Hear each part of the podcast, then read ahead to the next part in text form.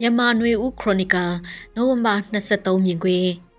ကျင်စန်းကြော့ကုန်းကားဝင်းအတွင်ဘုံချခံရပြီးမီးလောင်လောက်ကင်မှာစစ်ပေးရှောင်းကားတစ်စီးလက်နက်ကြီးထိမှန်ပြီးလူ6ဦးထပ်မံတေဆုံးတဲ့ဆောင်းပါးကိုဖတ်ကြားပေးပါမယ်။ရှမ်းမြောက်ဒေသမှာဖြစ်ပွားနေတဲ့10နှစ်ခွန်စစ်စင်ရဲ့တိုက်ပွဲတွေပိတ်ဆို့မှုတွေနဲ့လက်နက်ကင်တပ်တွေတပ်ဆွဲထားတဲ့နေရာတွေကိုတစ်ဖက်ကတိုက်ခိုက်တာတွေက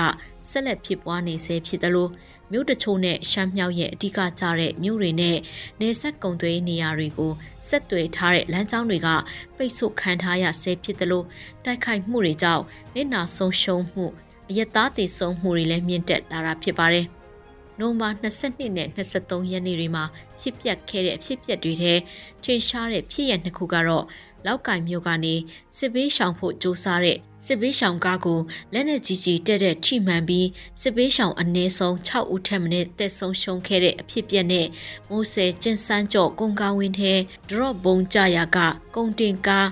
ရာနဲ့ချီမီးလောင်ပျက်စီးခဲ့တဲ့ဖြစ်ရဖြစ်ပါတယ်။ စစ်ပွဲတွေဖြစ်ပွားလာတဲ့အခါတစ်ဖက်ရန်သူကိုအနှံ့ရဖို့ရမှာနီလန်းအမျိုးမျိုးအုံပြုကြရမှာလက်နက်ကြီးနဲ့ရန်သူရှိရာကိုပစ်ခတ်ပြီးတစ်ဖက်ရန်သူအနေနဲ့နေရာယူထားတဲ့နေရာကနေဆုတ်ခွာအောင်သို့မဟုတ်လက်နက်ကြီးကြီးထိမှန်မှုကြောင့်ရန်သူတေဆုံးပြီးအင်အားနှဲပါသွားအောင်စစ်ရေးတိုက်ခိုက်မှုအနေနဲ့လှုပ်ဆောင်ကြတာဖြစ်ပြီးလက်နက်ကြီးကရည်ရွယ်တဲ့ပြစ်မှတ်အပေါ်ဘယ်လောက်ထိတိကျစွာထိမှန်နိုင်မလဲဆိုတာအရေးကြီးတဲ့မိခွန်းတစ်ခုလည်းဖြစ်လာပါတယ်။ အကွာဝင်းနဲ့ဥတီတဲ့အရင်မျက်နှာကိုသာချိန်ရွယ်ပြီးရန်သူလက်နက်ကင်အဖွဲ့ကဘယ်နေရာမှာဘလို့နေရာယူထားတယ်ဆိုတာတိတိကျကျမသိနိုင်ကြတဲ့အနေအထားမျိုးမှာပြစ်ခတ်တိုက်ခိုက်နေကြတဲ့သဘောလည်းဖြစ်ပါလိမ့်မယ်။နေစဉ်လိုလိုကြားသည့်ဖတ်ရှုနေရတဲ့သတင်းတွေထဲလက်နက်ကြီးကြီးကြားရောက်လို့အယက်သားဘယ်နှဦးအသက်ဆုံးရှုံးပြီးဘယ်နှဦးတန်ရာရရှိသွားတယ်ဆိုတဲ့သတင်းကရာနှုံအဖြစ်အတော်များများပါဝင်နေတာဖြစ်ပါတယ်။ လက်နက်ကင်အဖွဲ့တွေကိုဥတီပစ်ခတ်ပေးမယ်လဲတိုက်ပွဲဖြစ်ပွားတဲ့နေရာတွေကမြို့တွေရွာတွေအနီးမှာတော့မဟုတ်မြို့အဆက်နဲ့မြို့ရွာထဲမှာဖြစ်ပွားနေတာမို့လို့အဲ့ဒီဒေသမှာနေထိုင်သူတွေစွန့်ခွာဖို့အချိန်မမီသူတွေစွန့်ခွာနိုင်တဲ့အခြေအနေမရှိသူတွေစတဲ့အယက်သားတွေထိခိုက်သေးဆုံးနေကြရတာဖြစ်ပါတယ်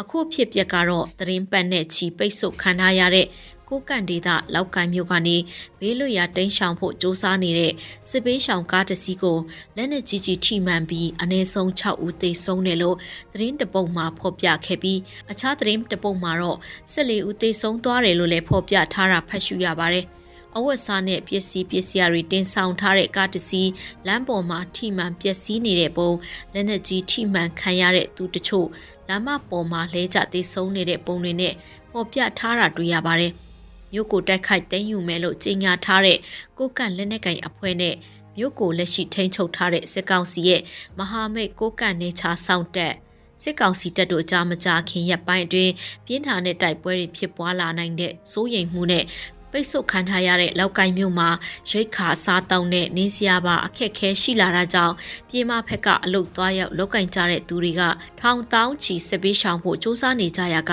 အခုလိုလက်နက်ကြီးထိမှန်သေးဆုံးကြရတာဖြစ်ပါတယ်။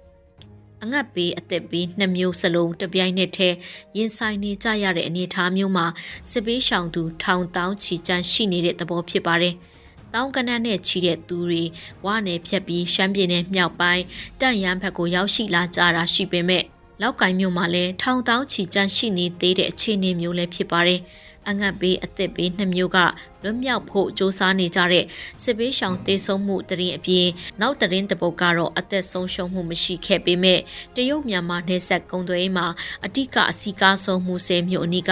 ကုံကားဝင်းတစ်ခုထဲမှာတက်ဆွဲနေတဲ့စစ်ကောင်စီတပ်တွေကိုမြောက်ပိုင်းညီနောင်လက်နက်ကိုင်အဖွဲ့ဘက်က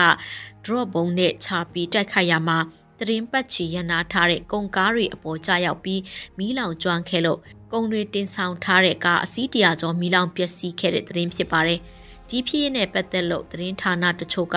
စစ်ကောင်စီတပ်ဖက်ကလက်နက်ကြီးနဲ့ပစ်ခတ်လို့ကြားရောက်တယ်လို့ရေးသားဖော်ပြကြပေမဲ့ရှမ်းမြောက်ခြေဆိုင်ရွှေပြင်းမြေသတင်းဌာနကဖော်ပြတဲ့သတင်းနဲ့ BBC မြန်မာပိုင်းကသတင်းမှာတော့ ကားဝင်းထဲတက်ဆွဲထားတဲ့စစ်ကောင်စီတပ်တွေကိုတစ်ဖက်မြောက်ပိုင်းညီနောင်သုံးဖွဲ့ဘက်က drop ပုံနဲ့ချတိုက်ခိုက်ရာကလောင်ကျွမ်းခဲ့တာလို့နေခန်သတင်းရင်းမြစ်တွေကိုကိုကာဖော်ပြခဲ့ကြတာတွေ့ရပါတယ်။ ဒဒီဖြစ်ရက်ကလူသေးဆုံးမှုမရှိတော့လဲပျက်စီးဆုံးရှုံးမှုများပြားတဲ့ဖြစ်ရတစ်ခုဖြစ်ပါတယ်။အောက်တိုဘာ28ရက်နေ့စတင်ကလေးကမူဆယ်မာလေးကားလမ်းတစ်လျှောက်တိုက်ပွဲတွေဖြစ်ပွားပြီးတရုတ်နိုင်ငံဘက်ကတင်သွင်းလာတဲ့ကုန်ပစ္စည်းတွေတည်ဆောင်နိုင်ခြင်းမရှိတော့ဘဲမူဆယ်ကားဝင်းထဲမှာရန်နာထားကြရကအခုလိုမီးလောင်မှုဖြစ်ပွားခဲ့တာဖြစ်ပါတယ်။ရှမ်းမြောက်မှာဖြစ်ပွားနေတဲ့ 10နှစ်ခွန်စစ်စင်းစတင်ပြီးတလပြည့်ဖို့ရအနည်းငယ်သားလို့တဲ့အနေထားမှာမြို့ခုနှစ်မြို့ကိုမြောက်ပိုင်းညီနောင်မဟာမိတ်လက်နက်ကင်သုံးဖွဲ့ကတင်ယူထားပြီးတရုတ်မြန်မာကုန်သွယ်ရေးနဲ့ရှမ်းမြောက်ဒေသရဲ့အဓိကမြို့တွေကိုဆက်သွယ်ထားတဲ့ ကားလမ်းကိုပိတ်ဆို့ထားတာတရားတွေဖျက်ဆီးထားတဲ့အနေအထားဖြစ်ပြီးလောင်စာစီစံနဲ့အခြားသောစားတောက်ခုံဆေးဝါးတွေအစမတန်ဈေးမြင့်တက်ပြီးဒေသခံတွေအနေနဲ့အသက်မွေးဝမ်းကြောင်းလောက်ကင်ဖို့ထက်ကိုအသက်ဘေးမကြရောက်အောင်ဒိတ်ရှောင်နေထိုင်ကြရတဲ့အနေအထားလည်းဖြစ်ပါတယ်ရှင်။